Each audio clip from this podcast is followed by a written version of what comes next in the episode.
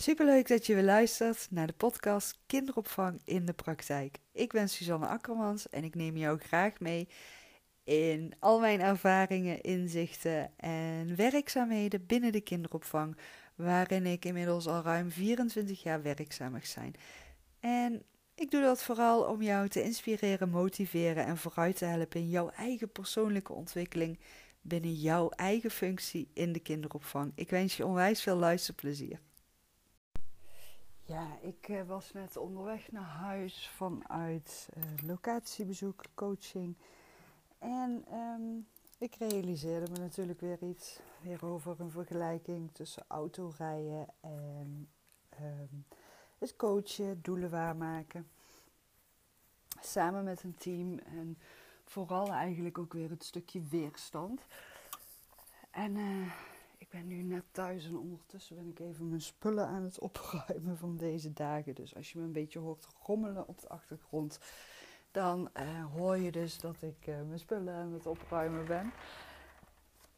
Maar ik realiseerde me ineens dat ik uh, ongeveer een jaar geleden heb ik een nieuwe auto gekocht. En dat mijn auto, nou, die was tien jaar oud of zo. Echt een heerlijke auto. En ehm, ja, die bracht me eigenlijk overal naartoe, maar ik hoefde eigenlijk nooit zo ver weg. Dus ja, het was gewoon een prima auto voor rondom huis, zou ik maar zeggen. En um, ik realiseerde me dat ik uh, nou, een jaar geleden dus een nieuwe auto ben gaan kopen, omdat ik uh, met mijn oude autootje, daar zat geen navigatiesysteem in, dus ik deed de navigatie vanaf mijn telefoon met een app. En dat werkte eigenlijk ook allemaal wel prima, maar ja, ik had eigenlijk zoiets van, ja, het zou toch eigenlijk wel gewoon fijn zijn als daar in de auto is ingebouwd. En um, nou ja, mijn auto werd wat ouder, uh, ook een licht klein autootje, een Volkswagen Polo was het. En um, ja, als het wat slechter weer was, dan uh, kon ik alle kanten in bewegen op de snelweg. Dus ik dacht, ja, dat is ook allemaal niet handig. Ik wil gewoon uh, veilig onderweg kunnen zijn en ja, ook gewoon iets hoger zitten. Dus um, nou, ik had een vast bedrag in mijn hoofd. Want dit wil ik eraan uitgeven. En nou, ik had een auto gezien waarvan ik dacht van, oh ja, dat vind ik eigenlijk wel een leuke, mooie auto. Die zou ik wel willen hebben. Dus ik ben gewoon op eigen houtje naar uh, een uh, garage, een autodealer gegaan. En ik had gewoon gezegd van, nou, die vind ik mooi. Daar wil ik een proefrit in maken. Nou, de proefrit die stelde natuurlijk ook echt helemaal niks voor. Want ja, ik snap niks van auto's. Dus ik kijk alleen maar naar, ja, rijdt die fijn? Zit ik er fijn in? Zit er een navigatie in? En um, ja, wat kost die? Dus uh, nou, zo ben ik dus uh, een nieuwe auto in mijn eentje gaan kopen ja, weet je, gewoon prima, goede keuze. En uh, nou, er zat een navigatie in, dus ik was eigenlijk helemaal blij en enthousiast. En toen ging ik er dus iedere dag mee rijden. Ik vond het echt enorm wennen. En nog steeds. Ik ben nu inmiddels dat ik merk van, oh oké, ik begin er uh, steeds meer gewend aan te raken. Maar ik moest er echt aan wennen. En uh, zo erg zelfs dat ik op een gegeven moment zoiets had van Hmm, nee, ik heb geen zin om auto te rijden. En dan zei ik tegen mijn vriend van, nou, rij jij maar. Of uh, we gaan wel met jouw auto. Weet je wel, zo een beetje eronderuit proberen te komen. En uh, uh, ja, ik moest natuurlijk toch gewoon met mijn auto ook overal naartoe. Naar afspraken en ja, alles wat ik moet doen. Dus, en in het begin had ik die uh, navigatie-app nog steeds op mijn telefoon. En mijn vriend zei iedere keer van ja, maar Suus, luister, je kan gewoon navigeren met de auto. Hè? Dat zit er gewoon in, dat wou je toch? Ik zei ja, ik snap die niet. Ik weet niet hoe ik die moet instellen. Die werkt heel anders dan die navigatie-app op mijn telefoon. En ik vind het gewoon helemaal niet fijn. Dus laat mij gewoon daar met mijn telefoon doen. Nou, hij vond dat heel vreemd. Mijn kinderen vonden dat vreemd. dus op een gegeven moment, het was natuurlijk ook vreemd, hè, want ik wilde onder andere een nieuwe auto, omdat daar dan die navigatie in gebouwd zou zitten. Nou, toen had ik hem en toen dacht ik, ja, maar dit werkt heel anders dan ik gewend ben. Ik weet niet hoe dit werkt, laat maar. Nou, op een gegeven moment kwam ik op een punt dat ik dacht van... Oké, ik ga er op mijn manier aan wennen. Dus uh, nou, navigatie heb op mijn telefoon gewoon aan. Navigatie in de auto zette ik aan. En toen ging ik met allebei gebruiken. Nou, daar werd ik ook weer zenuwachtig van. Dus toen dacht ik, ja, laat maar. Ik ga gewoon alleen nog maar rijden met de navigatie in mijn auto. Dus dat ging ik doen en ik vond het allemaal ingewikkeld. Ik werd er helemaal zenuwachtig van en onzeker van. En ik reed ook natuurlijk meerdere keren fout, omdat ik het gewoon niet begreep hoe deze navigatie werkte. Dus een soort van weerstand had ik tegen de navigatie die in mijn auto zat ingebouwd. Ik moest er echt enorm aan wennen. Nou ja, noem het zoals je het wil noemen. Ik zeg dan heel vaak van nou, ik ben gewoon een beetje autistisch daarin. Ik heb er tijd in nodig en het duurt gewoon even voordat ik gewend ben aan iets nieuws. En nu vandaag reed ik dus terug naar huis en toen moest ik daar ineens aan denken. Ik heb uh, twee uh, dagen uh, op locatie weer mogen coachen, pedagogische coaching aan pedagogisch medewerkers. En nou ja, dan heb je natuurlijk allerlei gesprekken. En ik moest er ineens aan denken toen ik terug naar huis reed. Ik had ook op onderweg naar huis, kreeg ik ook diverse mailtjes nog even zitten lezen. Toen ik langs de weg even was gestopt. En ook weer wat vragen over weerstand ook ook naar aanleiding van de podcast van gisteren. En ineens had ik voor mezelf zo'n linkje naar mezelf en naar het pedagogisch coachen.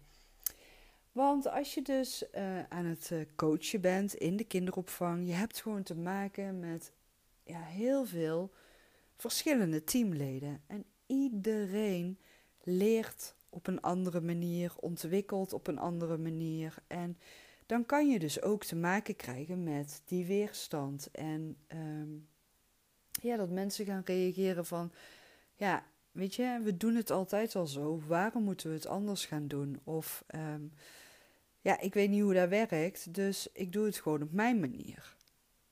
En dat is dus hetzelfde als wat ik deed met het navigeren in mijn auto. Ik weet niet hoe het werkt, dus ik doe het gewoon op mijn manier. En zo kan je daar dus ook tegenaan lopen in de coaching als coach zijnde. En wat ik toch wel heel erg belangrijk vind, en heb ik al vaker ook naar voren laten komen, is dat je echt afstemt op de personen voor je. Maar niet alleen afstemmen op de personen voor je en het stellen van vragen en het gaan ontdekken van oké, hoe, op welke manier kan een uh, professional zichzelf verder ontwikkelen? Op welke manier wil een professional zichzelf verder ontwikkelen? Op welke manier wil een professional misschien nieuwe vaardigheden eigen gaan maken? En die nieuwe vaardigheden eigen maken, daar vergelijk ik dan dus nu ook weer met het navigeren in mijn auto. En ik ben nu een jaar verder en ik vind mijn navigatie echt super fijn echt super fijn. Ik ben er helemaal aan gewend en ik zie de voordelen nu. Hij brengt mij van A naar B, dus ik kan daardoor mijn doel bereiken. Want ik moet bijvoorbeeld naar B toe en ehm, ik kan daar komen doordat mijn navigatie mij daar naartoe brengt. Die vertelt mij stap voor stap welke route ik moet rijden. Ik hoef zelf helemaal niet na te denken daarover. Hij helpt mij en dat vind ik super fijn. Dus ik heb geleerd uh, hoe die navigatie mij vooruit kan helpen. En ik zie een coach in de kinderopvang ook als een soort van navigatie die jou vooruit kan helpen. En um, ja, dan is het wel belangrijk dat je ook weet van hoe uh, de pedagogisch professional zichzelf nieuwe vaardigheden uh, kan eigen maken, hoe die het fijn vindt om nieuwe ehm, werkwijze eigen te maken. Uh, kan wennen aan een nieuwe werkwijze. Denk bijvoorbeeld aan nieuwe medewerkers hè, die, die bij je komen werken in een team. Dan is het ook altijd weer even zoeken en hoe werkt dit dan? Dan is iemand nog niet vertrouwd met de organisatie, met de collega's. En dan is het ook nog even zoeken en wennen. En je bent dan misschien zo gewend aan je oude werkplek en hoe het daar ging. En dat is dan een werkwijze die je jezelf hebt aangeleerd. En dan ineens kom je op een nieuwe werkplek. En hoe kan je daar dan jouw draai in vinden? Ehm, en wat helpt zo'n persoon dan ook? Wat helpt die persoon om zijn draai te kunnen vinden? Wat helpt een professional om bewust pedagogisch te gaan handelen? Wat helpt een professional om die interactievaardigheden consequent in te zetten om die pedagogische doelen waar te maken? Dat is heel belangrijk om daar samen met de pedagogisch medewerker naar op zoek te gaan. En hoe kan je daar dan naar op zoek gaan? Door steeds vragen te stellen, maar ook te blijven reflecteren. Ehm, als je mij langer volgt, dan weet je ook dat ik uh, veel gebruik maak en werk met ehm, opdrachten voor de kinderopvangprofessionals en opdrachten die aansluiten op de dagelijkse praktijk. Ook ik krijg daar weerstand op. Ook ik krijg uh, te maken met medewerkers die het super fijn vinden en medewerkers die een allergische reactie daarop hebben en medewerkers die daar het nut niet van inzien. Medewerkers die het wel fijn vinden en de meerwaarde ervan zien, maar eigenlijk toch op een andere manier met die opdrachten om willen gaan. Weet je, dat is heel belangrijk dat je als coach zijnde, als je een tool inzet in de coaching, af blijft stemmen op de teamleden, op de professionals en blijft reflecteren en vragen blijft stellen over de manier waarop jij aan het coachen bent. Dus het is een soort een stukje van feedback vragen op jouw coaching en het is reflecteren op het coachingsproces van de medewerker. Dus terugkijken naar oké, waar ben ik begonnen? Waar sta ik nu? Wat helpt mij vooruit en wat belemmert mij? Kijk, als, als ik bijvoorbeeld die opdrachten inzet en een pedagogisch medewerker blijft door de opdrachten stilstaan, dan is dat voor die medewerker niet de juiste tool die ik inzet. En dan kan ik wel zeggen van ja, het is super belangrijk dat jij die opdrachten gaat maken, want daardoor bereik jij dat jij bewust wordt van jouw eigen pedagogisch handelen. Maar als die pedagogisch medewerker zichzelf geblokkeerd voelt door die opdrachten, omdat hij het helemaal niet kent, ja, dan is dus de vraag: doe je daar goed aan om met die opdrachten werkzaam te blijven? Of moet je dan gaan zoeken naar een ehm, andere manier, een andere weg in het omgaan met de opdrachten? Moet je misschien minder opdrachten geven? Moet je misschien andere vragen gaan stellen in de opdrachten? Moet je misschien de opdracht veel meer gaan laten aansluiten op de persoonlijke ontwikkeling van die specifieke medewerker. Ik zie het coachen echt als een soort van maatwerk. En daarbij is er nog iets heel erg belangrijk. En dat is geduld. En dan pak ik weer even terug naar het navigeren en mijn nieuwe auto, waar ik na bijna een jaar echt aan gewend ben geraakt en de navigatie super fijn vind en daar enorm blij mee ben. Dat is dus ook weer geduld. Ik ben voor mezelf gaan ontdekken wat helpt mij hierin om mijn navigatie en mijn auto te kunnen gaan begrijpen, zodat ik er op een fijne manier in kan autorijden en ik op een fijne, relaxte, ontspannen manier de weg kan vinden met de navigatie, dus de tool die er wordt aangereikt vanuit mijn auto. En zo werkt het ook in de coaching.